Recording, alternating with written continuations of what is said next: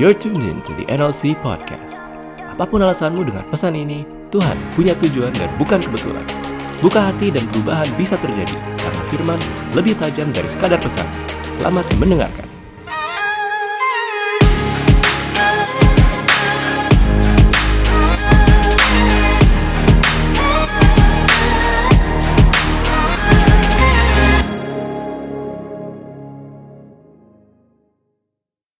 Masuk ke tema yang baru, ke repurpose heart. Oke, kenapa kita mau bicarain ini? Kenapa kita mau bicarain tentang bagaimana hati kita harusnya benar-benar mulai diarahkan kepada tujuan yang benar. Um, boleh dibuka ayatnya Erik uh, di Amsal 4 ayat 23. Ini ayat yang paling dasar nih, saya rasa semua keluar di sini. Amsal 4 ayat 23, jagalah hatimu dengan segala kewaspadaan karena dari situlah terpancar kehidupan. Waktu saya rasa hampir semua udah tahu ayat ini ya. Tapi ada yang tahu nggak bahaya dan susahnya ini kayak gimana?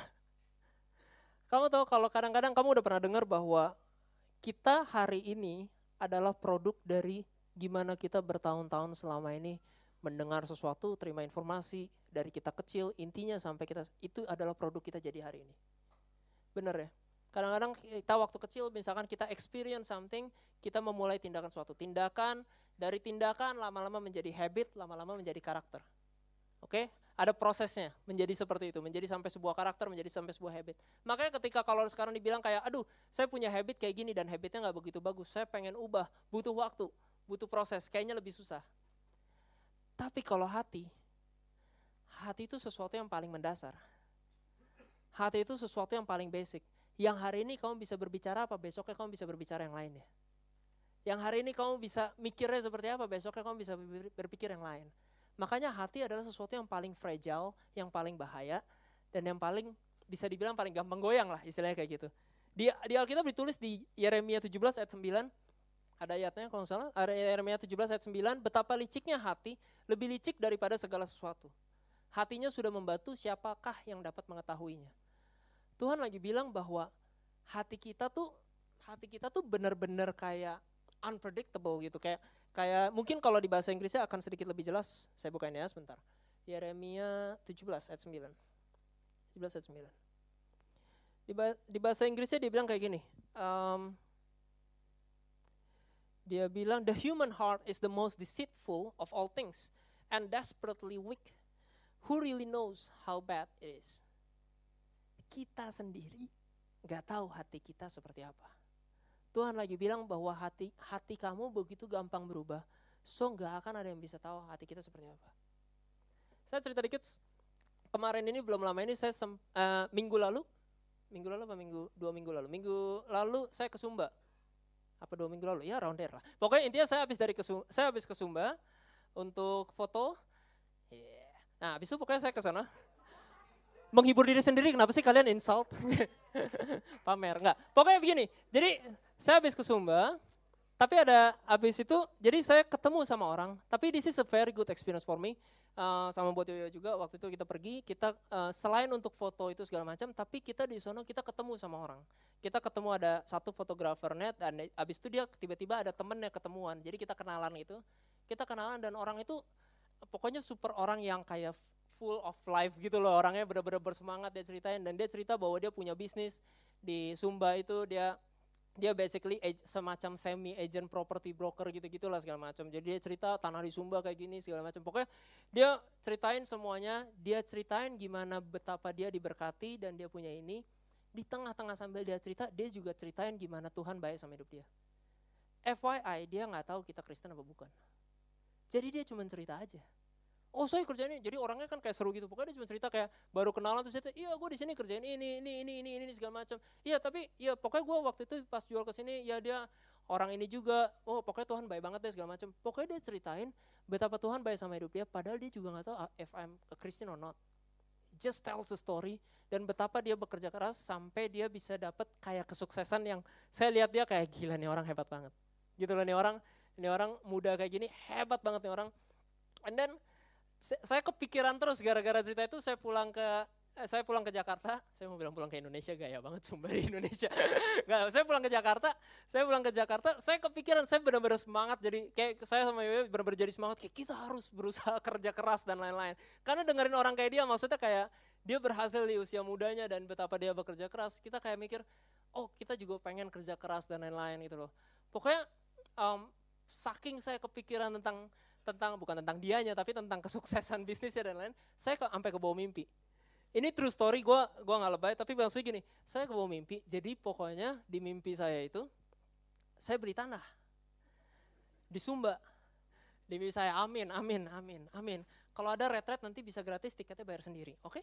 Dan itu kan, saya mimpi saya punya tanah di Sumba. Saya beli tanah di Sumba. Nah, terus saya kayak apa namanya, saya saya di mimpi itu saya ceritanya lagi jalan, saya beli tanahnya di tepi di pantainya lagi. Wih, kayak mewah banget ya pokoknya. di mimpi saya saya kaya. Jadi ceritanya pokoknya saya mimpi saya punya tanah di Sumba terus saya lagi jalan-jalan di pantainya gitu.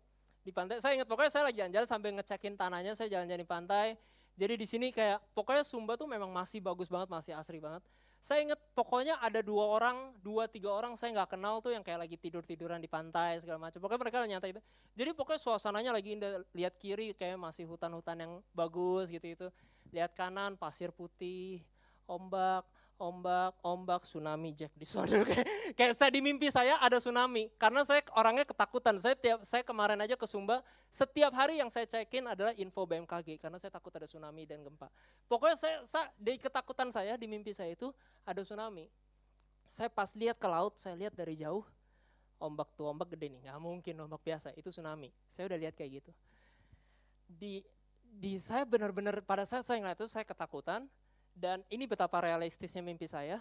Di situ ada motor, ada abang gojeknya. Oke? Okay? Kalian akan merasa mimpi ini absurd tapi percayalah ini membawa sesuatu. Jadi pokoknya ada gojeknya, ada motor, terus uh, buat kalian yang nggak kenal saya, saya nggak bisa naik motor. Jadi Tuhan pun provide saya di mimpi saya bahwa saya nggak bisa naik motor sendirian. Jadi pas saya lihat itu, saya lihat itu, saya buru-buru udah mulai lari ke si gojeknya ini kan, Gitu loh, karena saya lihat ada tsunami, saya udah buru-buru lari ke dia. Di tengah lari saya itu, saya udah mikir, ada dua tiga orang tadi yang masih tidur. You know? Tapi kayak tapi kayak ya udahlah jalan dulu. Lari dulu gitu lah. Lari dulu akhirnya udah saya nyampe ke Gojek ya saya bilang pak ada tsunami. Ayo kita ke bukit. Gitu loh. Terus dia pokoknya ya udah pokoknya hah apa? Terus dia buru-buru ke bukit. Sehingga cerita saya bangun. Di situ saya bangun. Saya Pokoknya udah cerita kayak gitu dong saya bangun. Tapi yang saya benar-benar sadar pada saat saya bangun dari mimpi seabsurd itu, betapa buruknya hati saya. Karena you know in that situations, saya mikir ketika saya ngeliat orang-orang yang tidur tadi, ini yang ada di kepala saya dan kalian boleh judge saya habis ini, tapi itu di, yang ada di kepala saya adalah kalau saya bangunin mereka, mereka nanti naik motornya. Saya nggak punya, saya nggak bisa naik motor sendiri. Jadi nanti kalau mereka naik motornya, saya pusing. Sedangkan saya punya keluarga di rumah, ada yang nungguin saya. Jadi kayak, um, you know what, so I don't tell them. Saya lari dulu karena saya takut nanti tabrakan. True to be told, di mimpi saya, saya mikir kayak gitu. Sedihnya yang pas saya bangun, saya pas bangun saya nyadar kayak, gila ini mimpi terbodoh yang pernah gue rasain. Tapi di satu sisi itu mimpi yang paling realistis yang saya rasain. Karena kenapa? Kemungkinan besar, kemungkinan besar kalau itu terjadi secara fakta di kehidupan saya, amit amit. Tapi kalau itu sampai terjadi dalam kehidupan saya, kemungkinan besar I will do the same thing. Sad to say, but kemungkinan besar I will do the same thing tanpa sadar konsekuensinya apa dan lain-lain. Kemungkinan besar saya akan langsung lari ke Gojeknya, Pak kita jalan dulu. Kalau enggak, nanti kita nggak dapat tempat. Saya mikir, oh di rumah saya ada teman, ada keluarga saya yang nungguin, nanti mereka kecewa dan lain-lain. Saya mesti bertahan hidup. Dan kemungkinan besar saya mikir kayak gitu. I thought I was nice. I really thought so. True to kayak, kayak saya merasa kayak saya bukan orang yang pemarah, saya bukan orang yang kayaknya kalau ngomong benar-benar kayak pernah bentak-bentak orang yang ngatain bego ke orang itu saya nggak merasa saya orang kayak gitu. Tapi ternyata semudah hal mimpi kayak gitu bisa menyadarkan saya betapa kotornya dan jeleknya hati saya kadang-kadang. Ketika situations arise, saya memilih keselamatan saya pribadi daripada membangunkan mereka apa susahnya sih? Mungkin mereka bisa mencari keselamatan dengan cara lain selain motor Gojek tadi. Cuma maksud saya, saya bahkan nggak mencoba bangunin karena takut mereka mengambil my exit. Karena takut mereka mengambil apa yang saya punya. Do you know kayak kayak if kalau seandainya hati kita itu bisa go align sama action kita, sama habits kita, sama karakter kita, that will be great. Tapi faktanya, hati nggak selalu go align sama orang-orang yang punya kayak gitu. Kadang-kadang kamu bisa punya kesannya habit yang hebat, work ethic yang bagus, karakter yang luar biasa, tapi hatinya belok di dalamnya.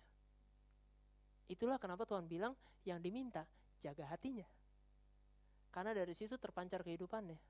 Ketika kamu udah jaga hati kamu, kalau kamu nggak jaga hati kamu, segala sesuatu yang kayaknya bagus, those habits, those characters, apa pun itu yang kelihatan bagus, kalau hati kamu nggak jaga, jangan kaget kalau suatu hari seluruhnya itu akan berbelok. Jangan kaget orang-orang yang di posisi tinggi yang karena pintar dan karena kerja kerasnya bisa jatuh karena nggak menjaga hatinya.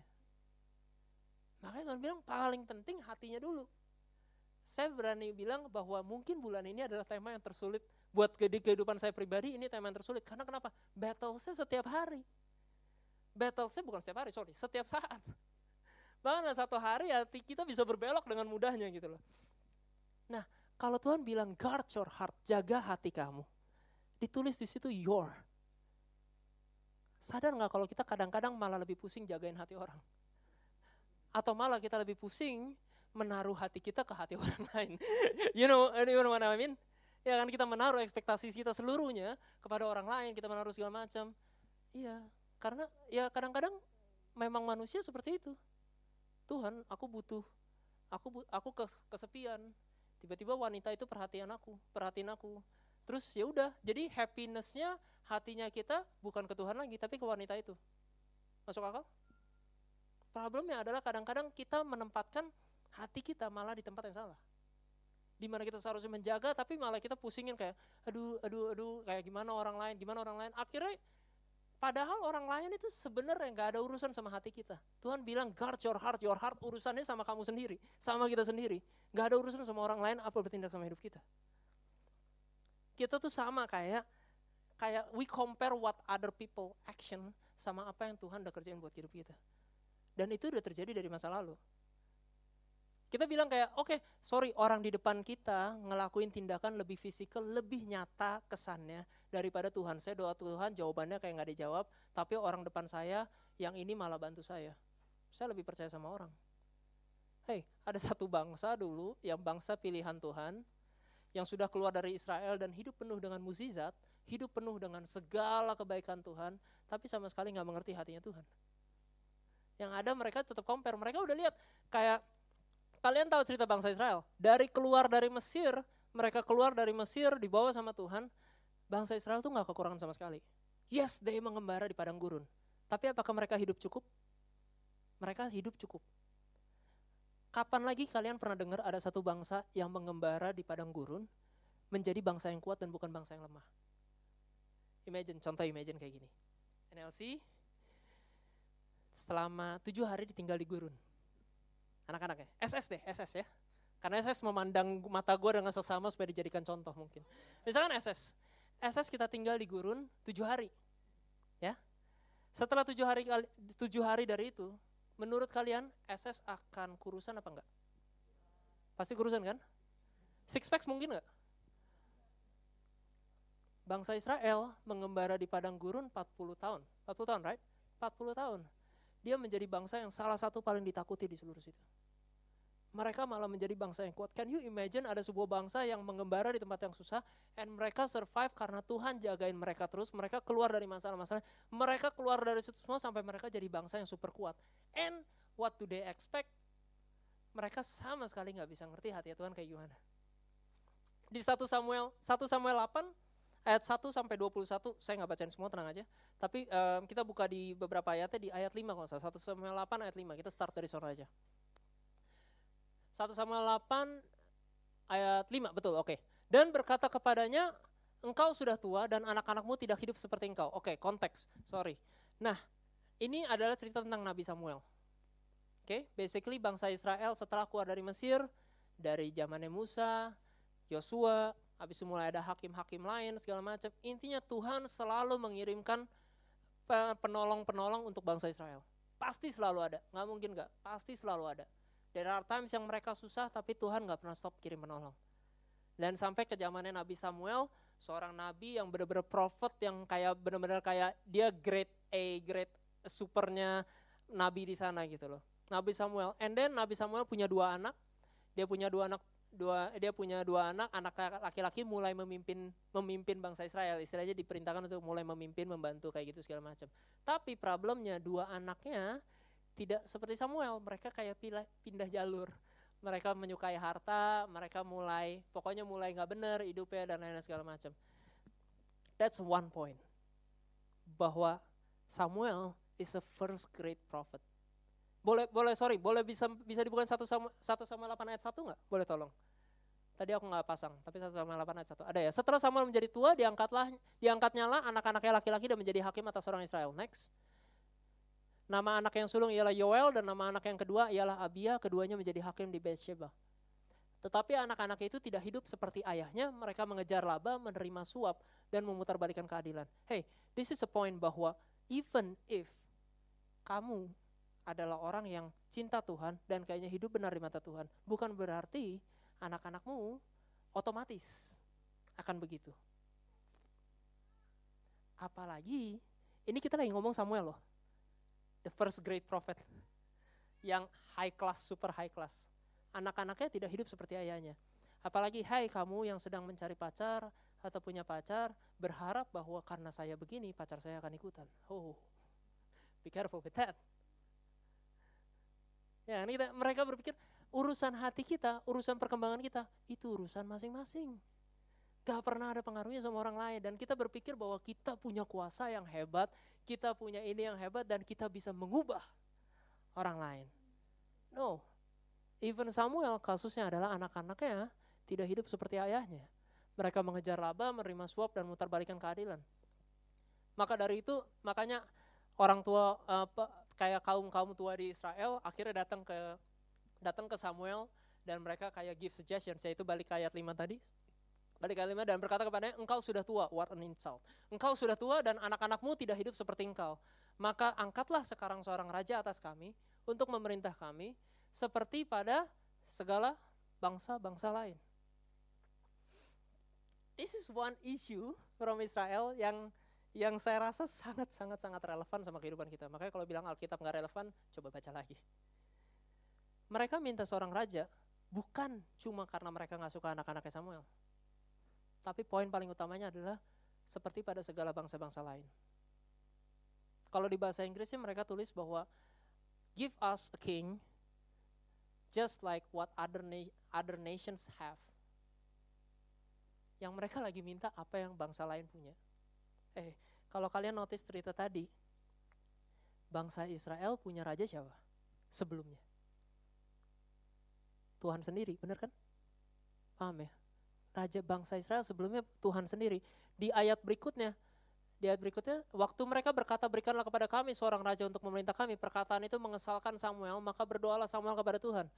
Next, Tuhan berfirman kepada Samuel, dengarkanlah perkataan bangsa itu dalam segala hal yang dikatakan mereka kepadamu, sebab bukan engkau yang mereka tolak, tetapi akulah yang mereka tolak, supaya jangan aku menjadi raja, raja atas mereka. Sepanjang zaman, yang mimpin bangsa Israel ada Tuhan sendiri, yang mimpin mereka. Mereka nggak mau itu. I want what other nations have.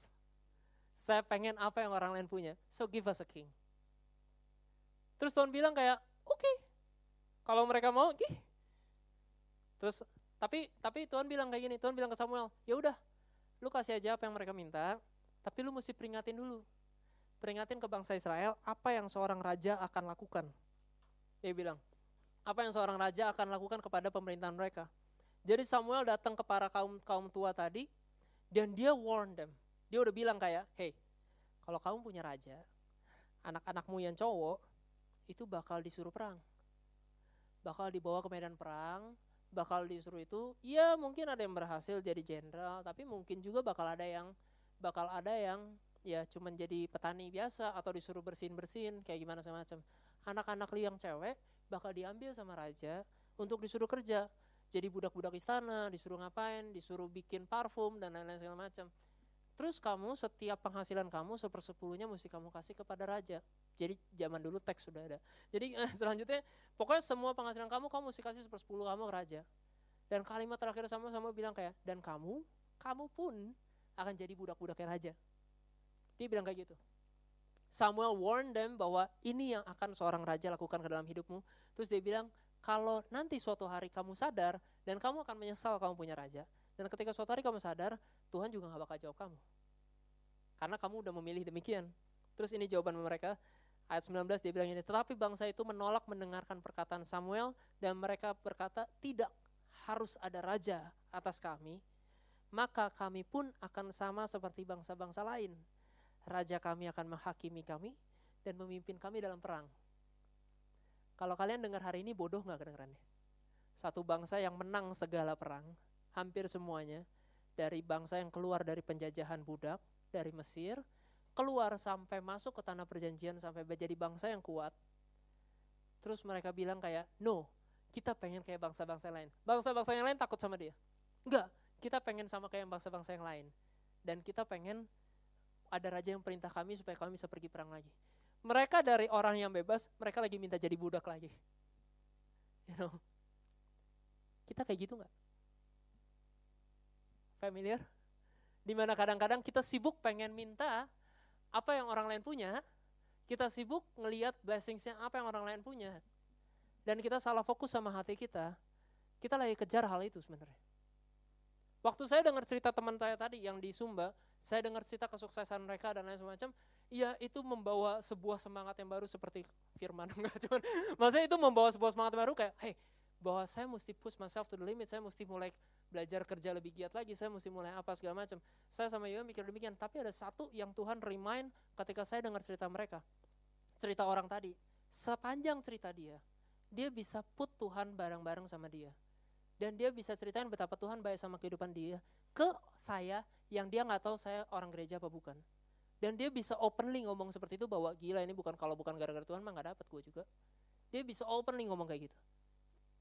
Saya pikir kalau saya kejar kesuksesannya, ketika saya punya nanti, amin saya pasti punya. Kalau saya kerjain, saya kerjain, saya kerja keras, suatu hari saya bisa punya. Tapi kalau saya nggak punya hatinya, kalau saya nggak punya hati yang go align sama Tuhan, itu cuma akan jadi dosa buat saya itu cuma akan jadi sumber masalah buat saya. Ketika kamu minta sesuatu yang kamu nggak punya, yang kayaknya orang-orang lain punya, tapi kamu nggak ngerti kenapa kamu mesti punya itu. The worst thing you want adalah Tuhan bilang, oke, okay, go have it. Karena di situ kita akan, ya mesti belajar lagi gitu loh jadinya. Tapi kalau kita go on track, apa yang kita punya di tangan kita? Tapi terlebih dari semuanya adalah menjaga hatinya kita mesti ke mana dulu. Kalau hatinya kita belok, pengen yang orang lain punya, percayalah, hasilnya pasti berantakan. Nah, dari situ lanjutannya, 1 Samuel 9 diceritain bahwa bahwa Samuel setelah itu udah ngomong sama bangsa Israel, mereka yang terakhir tadi bilang kayak enggak, pokoknya kami mau ada raja, kami mau kayak bangsa-bangsa lain supaya raja itu perintah kami. Oke, ya udah balik ke kota. Besokannya Samuel ketemu um, dia basically diperintahkan Tuhan untuk menobatkan seorang raja. Di 1 Samuel 9 itu diceritain. Nah, Kalian mungkin udah ada tahu gambaran cerita tentang Saul, ya kan? Tapi saya cuma ceritain sedikit biar kalian makin kita biar makin kebayang gitu ceritanya. Saul itu eh sorry, kalian sadar kan kalau kita orang-orang yang kadang-kadang bisa prejudging sama orang. Bener ya? Yang kadang-kadang kita ngeliat orang ini, wah kayaknya pinter nih. Ya kan? Kayaknya pinter. Kayaknya pekerja keras. Wah kayaknya kaya. Wah kayaknya hidupnya susah. Maksudnya You know, ada ada prejudging kayak gitu sama orang-orang. Saul adalah tipe orang yang kalau kamu lihat pertama dia langsung, wah, Hamis Daud nih. Kayak, wah raja nih. Kayak, kayak dia diceritain diceritain di Alkitab ditulis di 1 sama 91 dibilang Saul itu jadi ada satu orang kaya, influential, ya, influencer, blogger, whatever it is. Pokoknya dia orang kaya luar biasa di zaman itu, orang Israel. Dia punya anak namanya Saul. Jadi Saul ini dari keluarga kaya, keluarga yang punya nama, keluarga yang punya glory. Terus diceritain Saul adalah orang terganteng di Israel. Kece ya. Orang terganteng di Israel. Dia bilang dari bahu ke atas kepala, dia lebih tinggi dari semua orang. Saya mencoba membayangkan bentuk postur tubuhnya, tapi kalimat itu di Alkitab agak aneh, bahu ke kepala lebih tinggi daripada orang lain. Tapi intinya kayak gitu. Intinya jadi basically dia tinggi, ganteng, kaya, kalian bisa imajinasikan kan Saul kayak kira-kira orang gimana. He met all the qualities yang begitu orang pertama lihat dia kayak ini orang raja. You know, kayak begitu orang pertama lihat dia kayak ini orang pasti orang besar. Ini orang pasti orang keren, nggak mungkin orang biasa. Saul tuh punya segala quality itu. And then basically Saul dipilih, Saul mulai menjadi raja. Tapi sayangnya, despite all the qualities, despite segala kehebatan yang dia punya, despite segala background yang dia punya, hatinya berbelok. Hatinya nggak obey Tuhan. 1 Samuel 13 ayat 14, boleh dibukain? 1 Samuel 13 ayat 14, sorry dari 13 dulu deh, dari ayat 13 dulu, sorry. 1 Samuel 13 ayat 13 berarti. Ada? Oke. Okay. Kata Samuel kepada Saul, perbuatanmu itu bodoh, engkau tidak mengikuti perintah Tuhan, Allahmu yang diperintahkannya kepadamu. Sebab sedianya Tuhan mengokohkan kerajaanmu, kerajaanmu atas orang Israel untuk selama-lamanya. Tetapi sekarang kerajaanmu tidak akan tetap. Tuhan telah memilih seorang yang berkenan di hatinya dan Tuhan telah menunjuk dia menjadi raja atas umatnya. Karena engkau tidak mengikuti apa yang diperintahkan Tuhan kepadamu. Tahu kasusnya? Saul cuma pergi perang, terus dia panik. Dia ngelihat orang-orangnya, timnya dia udah mulai pada kabur karena mereka dikepung. Timnya dia mulai pada kabur. Samuel janji, eh saya tujuh hari bakal datang ke Gilgal. Saya bakal ke sono, tenang aja. Samuel panik ngelihat segala keadaannya. Eh sorry Samuel, Saul panik ngelihat segala keadaannya semuanya. And next thing kayak, aduh Samuel kayak telat. So dia ambil korban persembahan dan dia bikin korban persembahan buat Tuhan. He is not supposed to do that. Karena pada zaman itu yang boleh kan cuma nabi. Dia mencoba melakukan hal itu. Kecil, disobey. Disobey Tuhan kecil, kecil sekali. Tapi di situ Tuhan udah lihat bahwa dia nggak bisa taat. Kenapa? Karena dia lebih takut sama manusia-manusia di sekitarnya.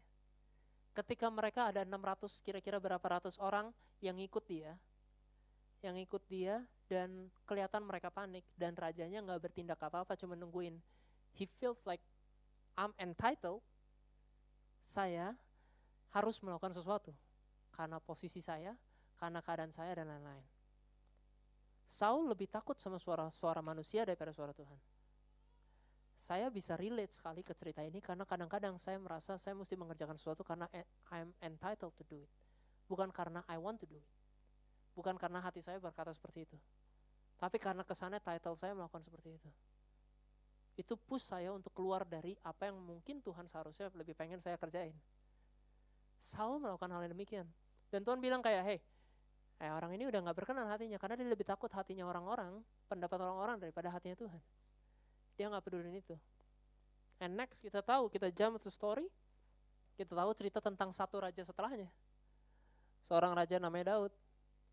Yang gimana di 1 Samuel 16 itu diceritain semua, 1 Samuel 16 dia diceritain bahwa Daud adalah seorang yang benar-benar kayak kayak gimana ya? Dia seorang pemazmur, penggembala, orang yang sangat rendah hati. Waktu Samuel datang ke, ke rumahnya, ke rumahnya Isa, Isai, my bad. Rumah bapaknya bapaknya Daud, dia datang, dia bilang ada satu anak di dalam rumah itu yang bakal jadi raja, dinobatin jadi raja. Dia lihat yang pertama, anak yang pertama, Samuel dalam hatinya, sekali lagi Samuel is a great a prophet dia adalah orang yang punya pengalaman banyak, yang kenal, yang maksudnya tahu segala macam dan kayaknya pinter sekali. Ketika dia lihat anak yang pertama, dia lihat ini orang nih raja. Kemungkinan besar orang itu penampilannya sama kayak Saul, orang yang tinggi juga, ganteng juga, kelihatan intelektual, yang berbadan tegap dan lain-lain, pokoknya kece. Tapi Tuhan bilang, no, not him. Next, next, next, sampai tujuh anak. Next, nggak ada. Terus Samuel bilang, anak-anak lu udah segini aja. Yang saya suka dari cerita itu Samuel stay sama pendapat Tuhan. Karena Tuhan bilang, pokoknya ada anak yang di dalam rumah itu akan diberkati jadi raja. If I were him, bapaknya datang, ini anak-anak saya, saya percaya nggak? Saya percayain pasti. Benar kan? Bapaknya yang ngomong. Ini anak-anak saya ditawarin ada tujuh. Berarti anaknya tujuh. Ya kan logika logika simpelnya. Saya nggak bakal ada keluar pertanyaan itu. Itu yang maksud saya, saya pas saya baca, I don't think I will do that. Karena kenapa begitu dia bilang, eh hey, ada satu anaknya yang bakal diobatin di bawah tujuh-tujuhnya, terus Samuel kayak bukan. Di akhirnya dia tanya lagi, dia tetap percaya sama apa yang Tuhan bilang. Bahwa Tuhan bilang ada satu anak di sana. Tuhan dia tanya lagi, ada nggak anak lain? If Samuel didn't obey, Jadi bukan siapa-siapa, itu semua tindakan Tuhan ada orang karena ada orang-orang yang taat sama perintah Tuhan. Karena Samuel obey sama suara Tuhan. Dia tahu ada satu anak dia tanya, hey, ada nggak lagi? Dan dia bilang ada. Di padang lagi gembalain domba. Ada tuh satu kecil, bocah, Sekia. Ya kan? Dia lagi gembalain domba di luar. Akhirnya oke, okay, Samuel dengan dengan ininya dia kayak Oke, okay, panggil dia masuk, kita nggak bakal duduk untuk makan sampai dia masuk. Sampai segitunya. You know, mungkin pada saat dipanggil masuk, di situ saya cuma ngebayangin aja, tapi di situ Samuel udah kayak please bener, please bener. Kalau gue salah kan nggak enak juga, gengsi malu dan lain-lain. Eh please bener. Dan pas dia datang, di situ Daud yang kayak masih muda, yang kemerahan, saya ngebayangin dia kemerahan tuh kayak tomat dan lain-lain. Cuma maksudnya kayak kemerahan muda, pokoknya full of figure. Dia kayak gitu. Terus dan Samuel dan Tuhan bilang, ini, anak ini yang gue mau. Anak ini yang gue mau, dia akan jadi raja. You know what? Tuhan, waktu kamu ke sana invisible sama orang-orang lain, Daud bahkan gak dipanggil. Daud gak border. Hey, Bethlehem imajinasiin kayak gini. Kemarin pas saya saya bisa imajinasiin zaman dulu, jangan pernah berpikir bahwa itu kota besar dengan rumah dan lain-lain. Segalanya itu padang. Rumah, padang, rumah, padang, rumah, padang. Itu keadaannya semua kayak gitu. So when David, waktu Daud ada di padang, mungkin Samuel dengan rombongan datang disambut dan lain segala macam. He was there. Mungkin dia lihat keadaannya. Gue udah tahu. Dia nggak border kayak orang penting. Saya mesti ada. Saya mesti saya mesti di notice. Nggak ada, tetap aja kembali dombanya santai. Bapak panggil semua anaknya dan segala macam, segala aktivitasnya baru sampai dia dipanggil dia masuk ke dalam. Sampai dipanggil masuk ke dalam, dia diber, dia diurapi sama Samuel, dia menjadi raja and the next thing he did apa? Dia kembali ke padang dan dia kembali dombanya. Ada seseorang yang sudah dirapi sama Tuhan pikirnya, kamu akan jadi raja atas Israel. One of the biggest nation. One of the strongest nation. Dan setelah itu, oke. Okay, thank you udah dirapi, but this is not the time yet. I'm anointed tapi belum di appointed jadi rajanya. So, I go out, balik lagi, dan faithful sama kerjaan apa yang dia mesti kerjain. Dan dia jaga lagi kambing dombanya. Dan dia kembali worshiping Tuhan, dia kembali nyembah Tuhan. Dia kembali nyanyi. You know what? Waktu kamu ke sana invisible di mata orang-orang, aduh kerjaan bagus saya nggak dinilai sama bos saya. Aduh ini saya saya bayar tapi keluarga saya nggak tahu kalau saya kayak gimana. Waktu apa segala macam, ketika kita ke sana invisible itu bukan berarti kamu nggak valuable. Kadang-kadang kita berpikir karena kita nggak invisible, karena follower kita cuma 200 berarti kita less influence sama orang-orang yang followernya bisa 10 ribu, 20 ribu, 30 ribu. Ya kan? Saya post foto sama Yoyo, Han, kenapa aku yang like cuma 70, sedangkan dia udah sampai 150, 200. Nggak adil dunia. Terus dia tanya, ada yang komen nggak? Nggak ada, Colin doang ngatain. Jadi kayak, kayak isinya, kayak kenapa dunia ini nggak adil? Gitu loh, kayak saya pertanyaan kayak, kenapa kayak gini? Tapi kalau kamu berpikir kamu invisible, kalau kamu invisible, itu kamu berpikir kamu nggak valuable, itu salah hey, kamu nggak kelihatan sama orang-orang itu urusan orang-orang lain. Tapi bukan berarti Tuhan nggak tahu betapa pentingnya kamu semua di sini. Kamu nggak perlu kelihatan sama semua orang. Buat benar-benar dihargain sama orang. Lebih pilih, percayalah, lebih pilih Tuhan hargain kamu.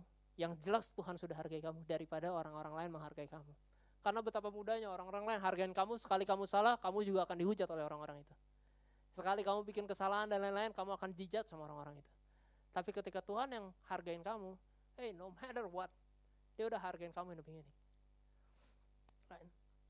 And second thing, Tuhan gak pernah taruh kita di dalam satu kategori box.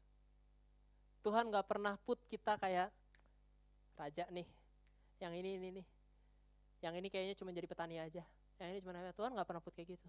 Tuhan pakai orang-orang yang malah di luar dari prediksi manusia, malah jadi orang-orang yang hebat. Hei murid-murid yang dipilih Tuhan siapa? Fishermen. Pemungut cukai. Pemungut cukai terkenal licik. Kata Tenggara cintakan uang. Fishermen terkenal kasar, bukan orang yang pandai. Kalau kalian pernah ngobrol sama nelayan atau sama petani, yang mereka tahu cuman itu. Cuman yang mereka kerjain. Bahasanya kasar, kehidupan keras, yang mereka tahu cuman itu. Tapi Tuhan lagi pindahin orang yang kehidupannya cuma itu, jadi penjalan manusia, jadi one of the best apostles yang khotbahin firman Tuhan ke mana seluruh dunia. Bukan orang politicians, bukan orang yang IPK-nya tinggi, bukan orang yang apa, bukan berarti jangan dapat IPK tinggi, bukan. I'm not saying that, tapi God is not putting you in any category box. Tuhan gak taruh kamu kayak di set-setin kayak gini. No, kamu yang kayaknya nggak, kamu yang anak-anak muda ya, anak-anak muda, yang di bawah, yang kayaknya, aduh aku masih kecil, bisa apa segala macam. Believe me, kalau kamu kenal sama Tuhan dan kamu rely sama Tuhan, tuh kamu gak bakal tahu Tuhan bawa kamu ke mana. Jangan kaget kalau ada satu orang di tempat ini yang bisa tiba-tiba jadi menteri. Dari sebuah tempat yang kayak kecil dan gak ada yang tahu. Atau bahkan bisa jadi presiden, you'll never know. Kalau Tuhan gak pernah put kita di kategori box, jangan sampai kita jadi orang yang put other people di kategori box. Yang kita udah set orang lain seperti itu. So, saya udah siapin papan ini, saya belum pakai dari tadi. yang saya pengen kita hari ini benar-benar belajar, when we go home, adalah ini. apa yang membedakan dari mereka berdua? Yang saya pengen kita benar-benar ingat. Waktu, uh, saya boleh minta tim musik, boleh sekalian maju? Oke. Okay. Saul, waktu Saul menjadi raja, waktu Saul menjadi raja, dia punya dia punya ketakutan adalah orang-orang di sekelilingnya. Kalian baca ayatnya bahwa di ayat itu beneran di ayat di mana dibilang kayak bahwa Saul adalah orang paling ganteng di Israel. Dia dari keluarga yang influential dan kaya. Dia orang yang badannya paling tinggi kesannya. So dia sudah dari dulu dinotis sama orang. Dari dulu orang-orang lain sudah sadar akan keadaan di, keberadaan dia. Ada pressure nggak? You know ketika ketika hey mungkin paling relevan gini Iren, Iren punya follower berapa di Instagram? 16 ribu. Are you careful with what you post? Why? Why you have to be careful with what you post?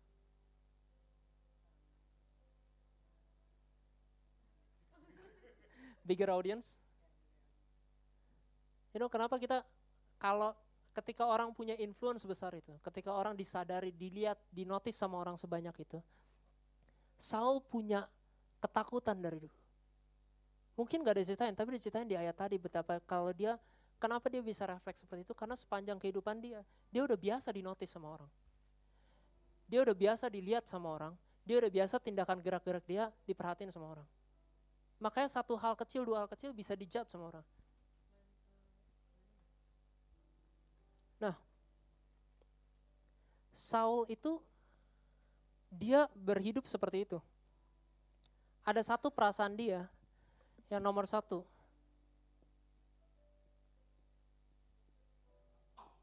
Kelihatan?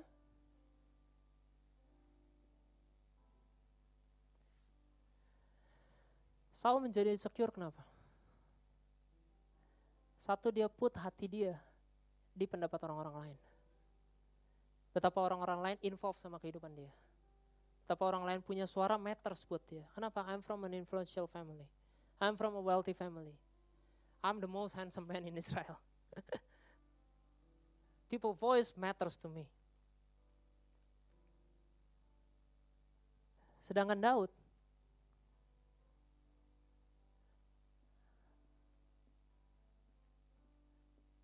Saya berani bilang Daud orang yang secure. Kalau kalian baca Amsal, Apakah Daud orang yang selalu secure? Enggak. Kalau kalian baca baca nyanyian dia, isinya tentang gimana kayak desperate, gimana dia kayak ketakutan, gimana dia kayak worry, gimana dia kayak benar-benar kayak Tuhan engkau di mana? And the next sentences dia masuk, dia bilang tapi gue serahin semuanya ke Tuhan. Dia put hati dia ke darah directions yang tepat. Dia put hati kita ke ke tempat yang tepat yang kayaknya nggak kegoyangin. Makanya saya berani bilang, despite segala keadaan dia, dia adalah orang yang sangat secure.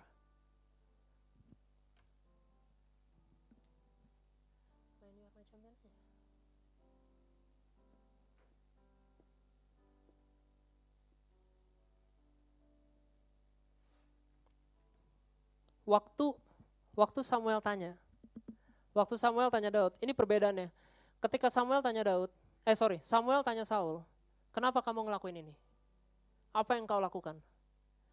The first thing yang Saul lakukan adalah dia bilang, this is the conditions. Orang-orang pada mulai lari, everybody panic, so I took action. As a king, I'm entitled to do it, I took action. Ketika di, di rebuke sama Tuhan, dikomplain sama Tuhan, Saul come up with an excuse. Ketika Daud di rebuke sama Nabi Nathan, ketika setelah dia berzina, setelah dia membunuh untuk mendapatkan apa yang dia inginin, Nabi Nathan datang ke dia dan tegur dia kayak, hey, ada orang kayak gini, what do you think he should? Dia mesti dipanis seperti apa? Dia bilang, oh dia mesti kayak gini, gini, gini, segala macam. Dia mesti dihukum seperti ini. Dan Nathan bilang, that's you. The next sentences yang Daud lakukan, nomor satu, itu minta ampun sama Tuhan dulu. Nomor satu yang Daud minta ampun, bukan pusingin tentang orang lain ngomong apa dan lain-lain. Yang Daud lakukan adalah dia minta ampun sama Tuhan dulu. Dia datang ke Tuhan dulu, dia sacrifice dan dia pointing out bahwa dia benar-benar nyesel. Dia nggak sadar kalau dia melakukan dosa gitu. Daud lebih takut akan Tuhan daripada kondem manusia. Dia lebih takut sama condemnation Tuhan. Dia tahu yang mana ke mana dia mesti put hatinya, ke mana dia mesti perhatiin. Ketika dalam kondisi kayak gitu, can you do that? Pertanyaan saya. I think majority of us, ketika ada kesalahan yang terjadi, majority of us will find an excuse. Karena kita takut diomelin. We find something, we find an, an escape way. Kita kita bakal cari segala suatu cara untuk bilang kayak, it's not my fault. This is normal. I should do this. I should have done this. But Daud, David enggak kayak gitu. Daud enggak kayak gitu. Ketika dia dengar itu salah, oh you know what? I'm sorry God. Dan dia langsung repent, dia bertobat, dan dia kejar hadiratnya Tuhan. Dia benar-benar doa, dia dia worship Tuhan, dia put sacrifice karena dia sadar itu salah. Do you know how many times kita salah, tapi kita pikir we are entitled to make a mistake. Kita salah tapi kita entitled because what? Because I, I feel that way. Karena saya merasa seperti itu. Kamu nggak ngerti posisi saya. Kamu nggak ngerti perasaan saya. We feel like when we are making a mistake tapi kita entitled to it. Salah tetap salah. Dan fokus Daud adalah benar. Bukan masalah kepada siapa dia bersalah. Dia tahu kepada siapa dia bersalah cuma satu, Tuhan. Dia nggak bisa balikin orang yang dia udah bunuh. Dia sudah terlanjur bersalah, dia harus terima konsekuensi kehidupannya. Anak pertama Bathsheba mati dia harus terima bahwa keluarganya setelah itu berantakan. Karena apa yang itu, konsekuensi yang dia harus jalanin, dia harus jalanin. Dan dia hidupin itu semua. Tapi satu yang dia lakuin dulu adalah minta ampun sama Tuhan. Despite everything. Saul setelah direbuke sama Samuel, you know the next verse? Ayat berikutnya dia ngapain? Dia cek lagi rakyatnya ngapain. Dia hitung. Bener kan sisa tinggal dikit rakyatnya? Sisa tinggal dikit prajuritnya. And dia fokus di masalah itu dia nggak minta ampun sama Tuhan, dia nggak kelihatan nyesel, dia nggak kelihatan apa, because he feels like I'm entitled to make mistakes.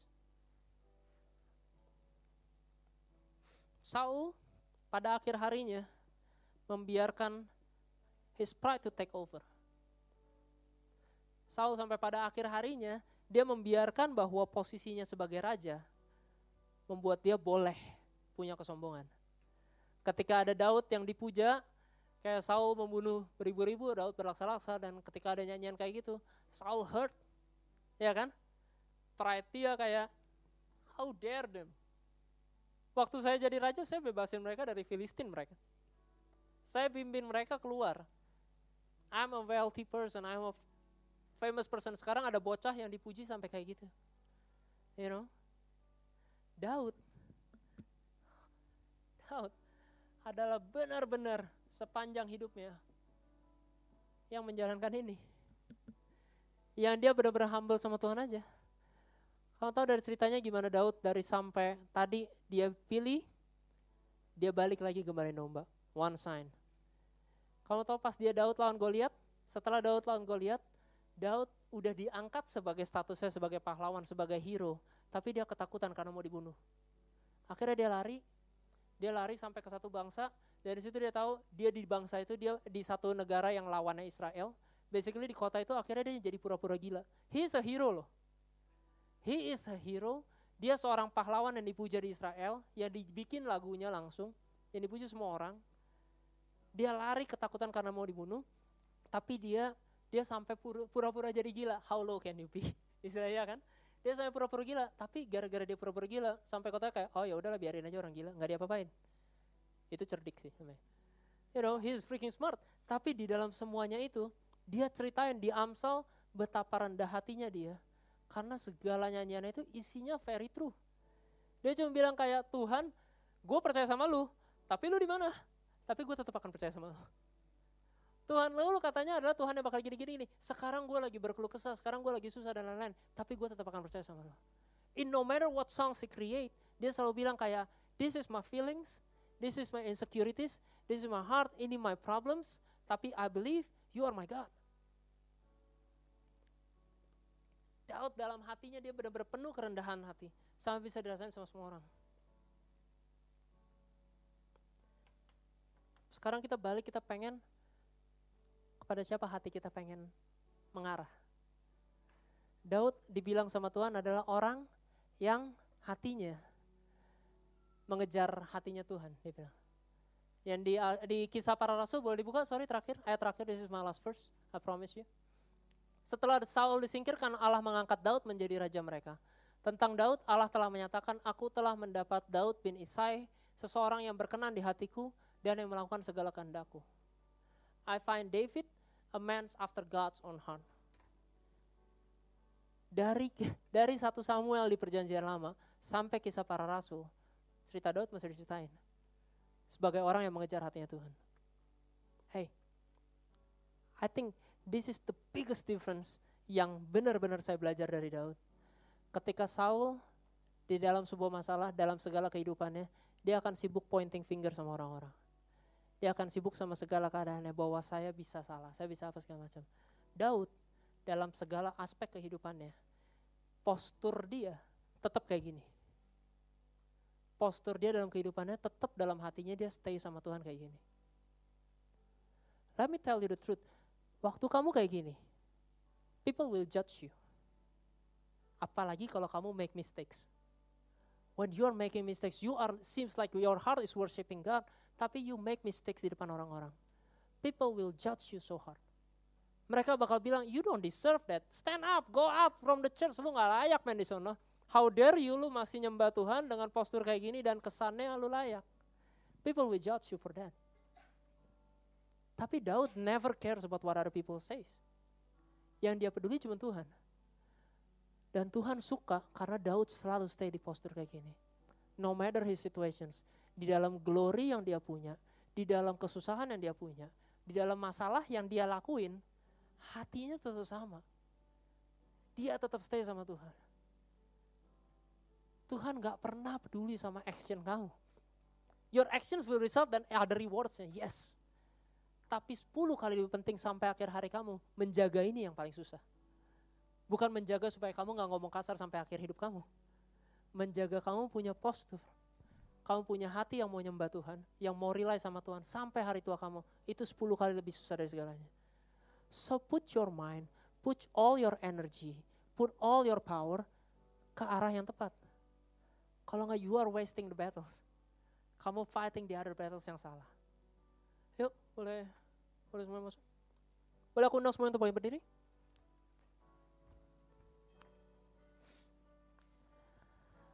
I pray benar-benar bahwa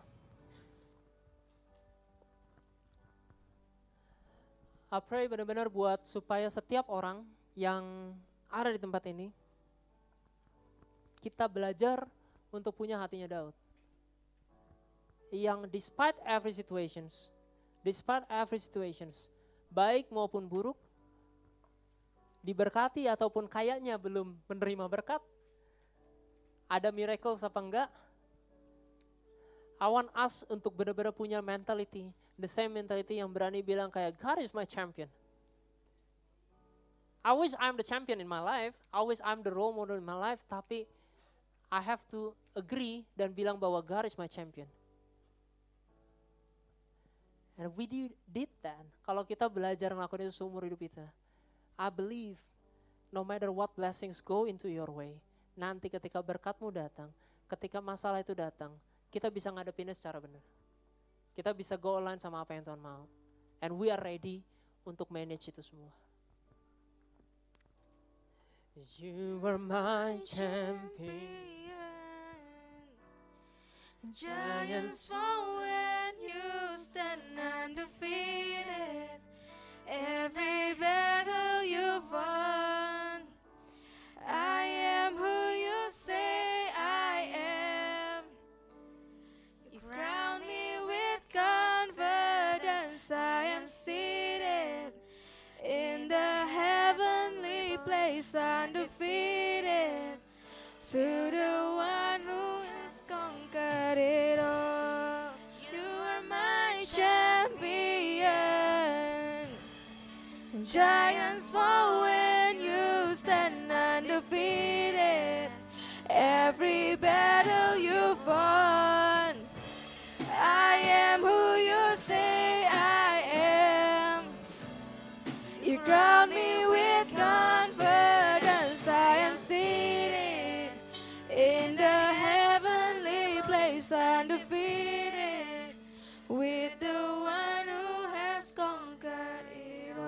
Kami mengucap syukur Tuhan untuk firman yang kami dengar, kami siapkan hati dan pikiran kami, sebentar kami akan menerima perjamuan kudus.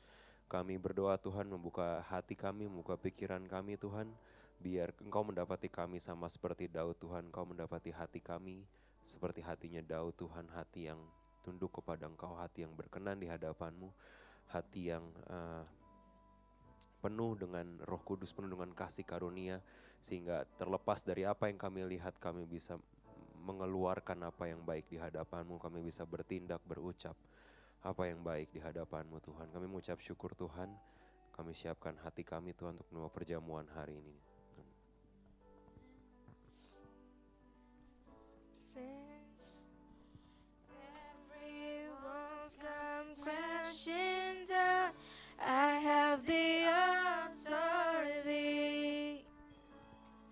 Jesus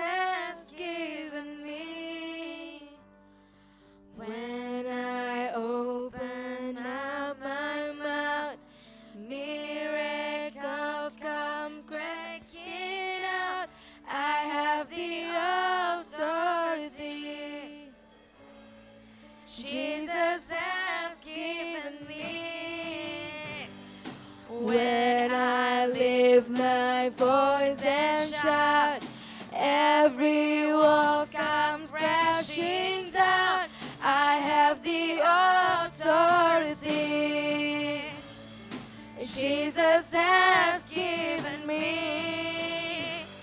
When I open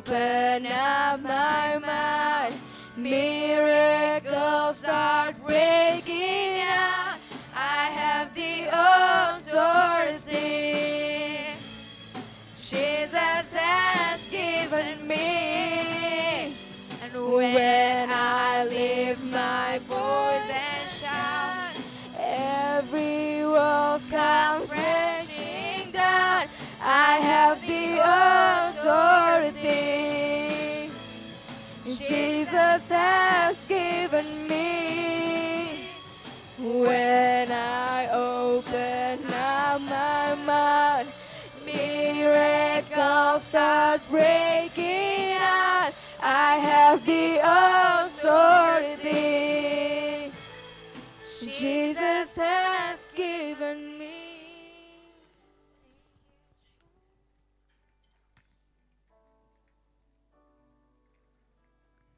Sebab apa yang telah kuteruskan kepadamu telah kuterima dari Tuhan, yaitu bahwa Tuhan Yesus pada wak- malam waktu ia diserahkan, mengambil roti dan sesudah itu ia mengucap syukur atasnya. Ia memecah-mecahkannya dan berkata, inilah tubuhku yang diserahkan bagi kamu. Perbuatlah ini menjadi peringatan akan aku.